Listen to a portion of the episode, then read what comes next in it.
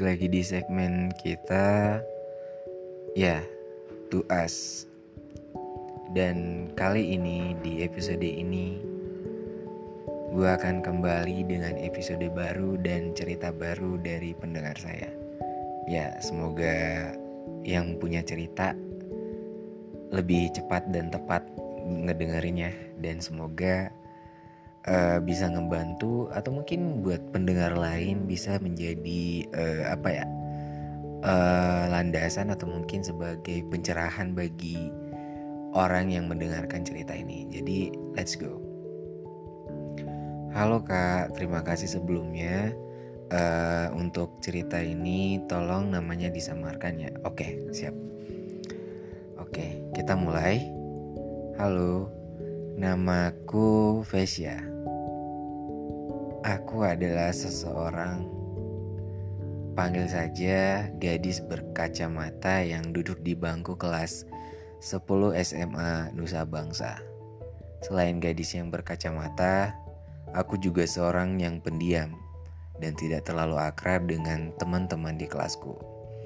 Hmm, berarti kamu orangnya bisa dikatakan introvert Selain itu, aku juga memiliki kelebihan pada diriku yang jarang dimiliki orang lain, yaitu sebuah penglihatan dunia lain dan bisa disebut rinda keenam. Nah, I think that you unique.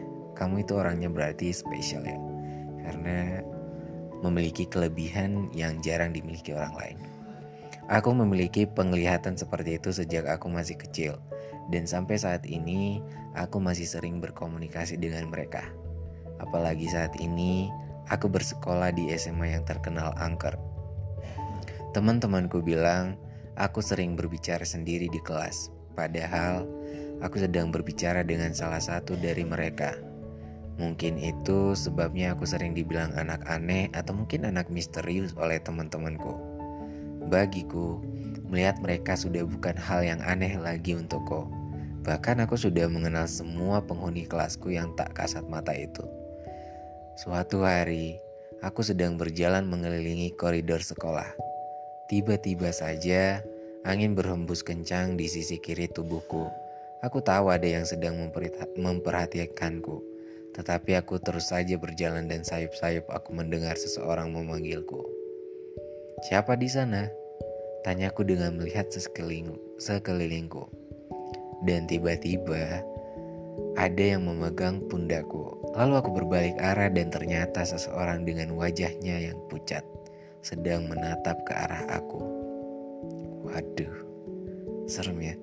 Aku tahu itu salah satu dari mereka. Sontak, aku juga terkejut melihatnya. Lalu dia tersenyum kepadaku dan aku pun membalas senyumnya. Siapa kamu?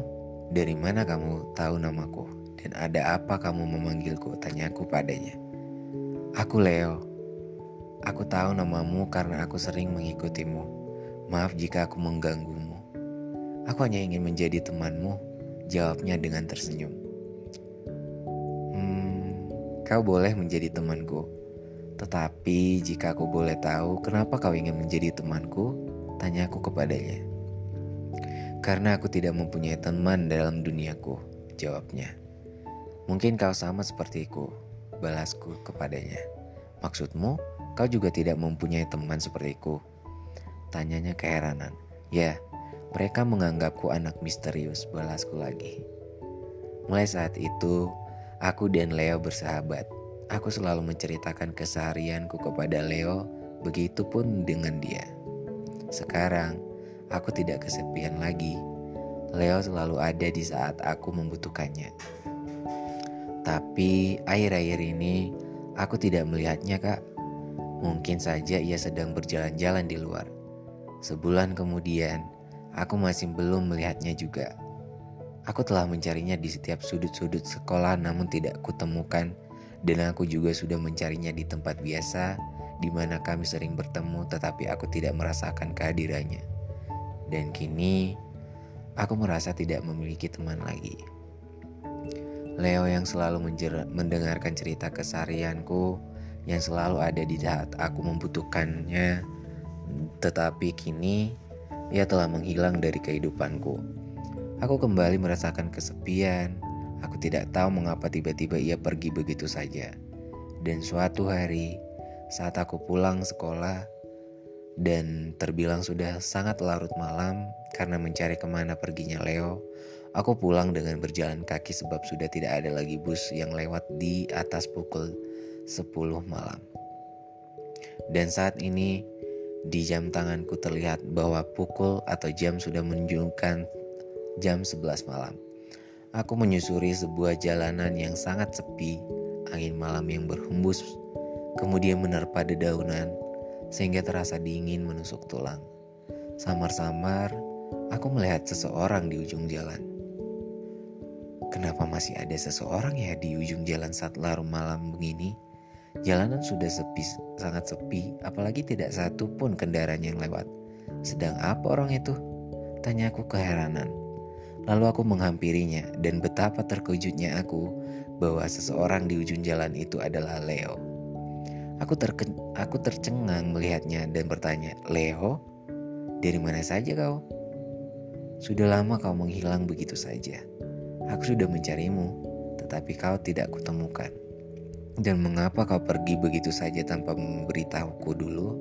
Tanyaku dengan cemas. Maaf, Aku pergi tidak memberitahumu dulu. Bolehkah aku mengatakan suatu hal kepadamu? Balasnya. Iya, memang hal apa yang ingin kau katakan kepadaku? Tanyaku heran. Sebenarnya, aku pergi begitu saja tanpa memberitahumu karena aku ingin menghindar darimu. Aku ingin menghilang, menghilangkan perasaan yang kumiliki kepadamu dan jujur saja, aku mencintaimu sejak awal kita berteman. Dan bagiku, kau berbeda dengan gadis lainnya. Kau baik hati dan ramah terhadapku. Aku ingin berterima kasih dan terima kasih kau sudah menjadi temanku dan maaf jika aku memiliki perasaan kepadamu. Awalnya aku merasa bahwa kita akan bersama selamanya sebagai satu cinta. Tetapi aku sadar bahwa kita tak mungkin bersatu dan mulai saat ini dan mulai saat itu juga aku menjauhimu. Aku mulai mengurangi intensitas pertemuan kita dan semakin lama aku mulai menghilang dari kehidupanmu. Karena aku sadar dunia kita berbeda. Kau tak mungkin untuk kumiliki. Selamat tinggal, Vi. Aku akan tetap menjagamu walau kau tak pernah tahu itu. Balasnya. Jika memang itu yang terbaik untuk kita, aku rela melepaskanmu. Suatu saat nanti, kita pasti akan bertemu kembali Selamat tinggal Leo, sahabat terbaikku. Hmm, cerita yang jarang dimiliki oleh banyak orang dan terkadang uh, bisa dibilang uh, mengherankan ya.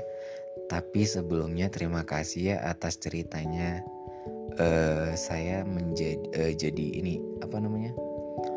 mendapatkan sebuah pelajaran bahwa ternyata orang yang beda dunia dengan kita juga bisa merasakan hal yang sama dengan kita. Ya ibaratnya uh, mereka emang nggak ada lagi di dunia kita, tapi roh atau mungkin jiwa mereka itu masih tetap ada di dunia mereka sendiri. Jadi berdasarkan cerita yang kamu ceritakan ini, ya langkah yang dilakukan oleh Leo itu udah benar-benar tepat dan langkah yang kamu lakukan juga tepat dengan menerima kenyataan bahwa kalian itu emang uh, dunianya berbeda sampai kapan pun kalian gak akan menyatu dengan dunia yang memang beda dunia kamu masih bisa menikmati hidup sedangkan dia udah beda alam atau me me melainkan dia bukan lagi uh, apa ya berada di dunia yang sama dengan kamu. Jadi itu hal yang nggak mungkin. Uh, bicara soal cinta atau mungkin uh, apa ya memiliki perasaan karena terpikat namun dibatasi oleh dunia yang berbeda itu uh, hal yang sangat menyakitkan sih menurut saya. Karena di mana dua orang atau mungkin dua manusia dua makhluk ciptaan Tuhan yang berbeda alam itu saling menyukai cuman nggak bisa menyatu hanya karena mereka berbeda. Jadi dibilang sakit ya memang sangat sakit karena kita jatuh cinta dengan uh, sosok yang nggak nyata hanya ada di dunia lain. Ya mungkin seperti kata-kata kamu yang di akhir atau mungkin seperti yang Leo katakan uh, kalian itu nggak akan bisa bersama. Dan mungkin kalian bakal ketemu di dunia yang sama dan di waktu yang sama yaitu di akhirat nanti. Ya semoga kalian apa ya bisa bertemu di dunia yang kalian inginkan. Percaya aja sama kehendak dan rencana Tuhan. Ya cuman feeling saya uh, di dunia ini juga kamu bakal menemukan sosok seperti Leo. Dan berdasarkan apa yang kamu bilang itu kamu memiliki keahlian yang khusus atau mungkin kemampuan yang atau mungkin kelebihan yang kamu miliki itu tuh tidak dimiliki oleh semua orang ya. I think that's unique people. Kamu itu berbeda dari orang lain. Kamu itu uh, menurut saya menurut gue itu kamu itu uh, orang pilihan Tuhan di mana kamu diberikan kespesialan bisa berkomunikasi dengan orang yang udah beda dunia atau mungkin arwah atau mungkin jiwa-jiwa yang udah ada di dunia lain ya menurut saya itu kamu sangat beruntung karena kamu bisa berkomunikasi atau mungkin bisa ngebantu mereka-mereka yang udah beda dunia dengan kita. Karena kamu bisa juga menyelamatkan orang yang ada di sekitar kamu atau mungkin orang-orang yang membutuhkan pertolongan kamu. Karena uh, saya juga punya teman orang yang memiliki keahlian atau mungkin kita sebut indera keenam itu dia punya dia bisa jadi tahu uh, hal apa yang akan terjadi di ke depannya dibandingkan kita jadi kita bisa jadi penyelamat bagi orang lain karena kita bakal tahu hal-hal apa aja yang terjadi bukannya kita ingin melebihi kuasa Tuhan tapi kita sebagai tangan kanan atau mungkin penyelamat bagi orang lain. Jadi I think that special people like you. Jadi beruntung banget bisa menjadi orang yang memiliki penglihatan khusus seperti kamu. Dan bicara soal uh, omongan orang yang nggak benar tentang kamu, misalnya orang misterius atau nggak jelas suka ngomong sendiri nggak apa-apa.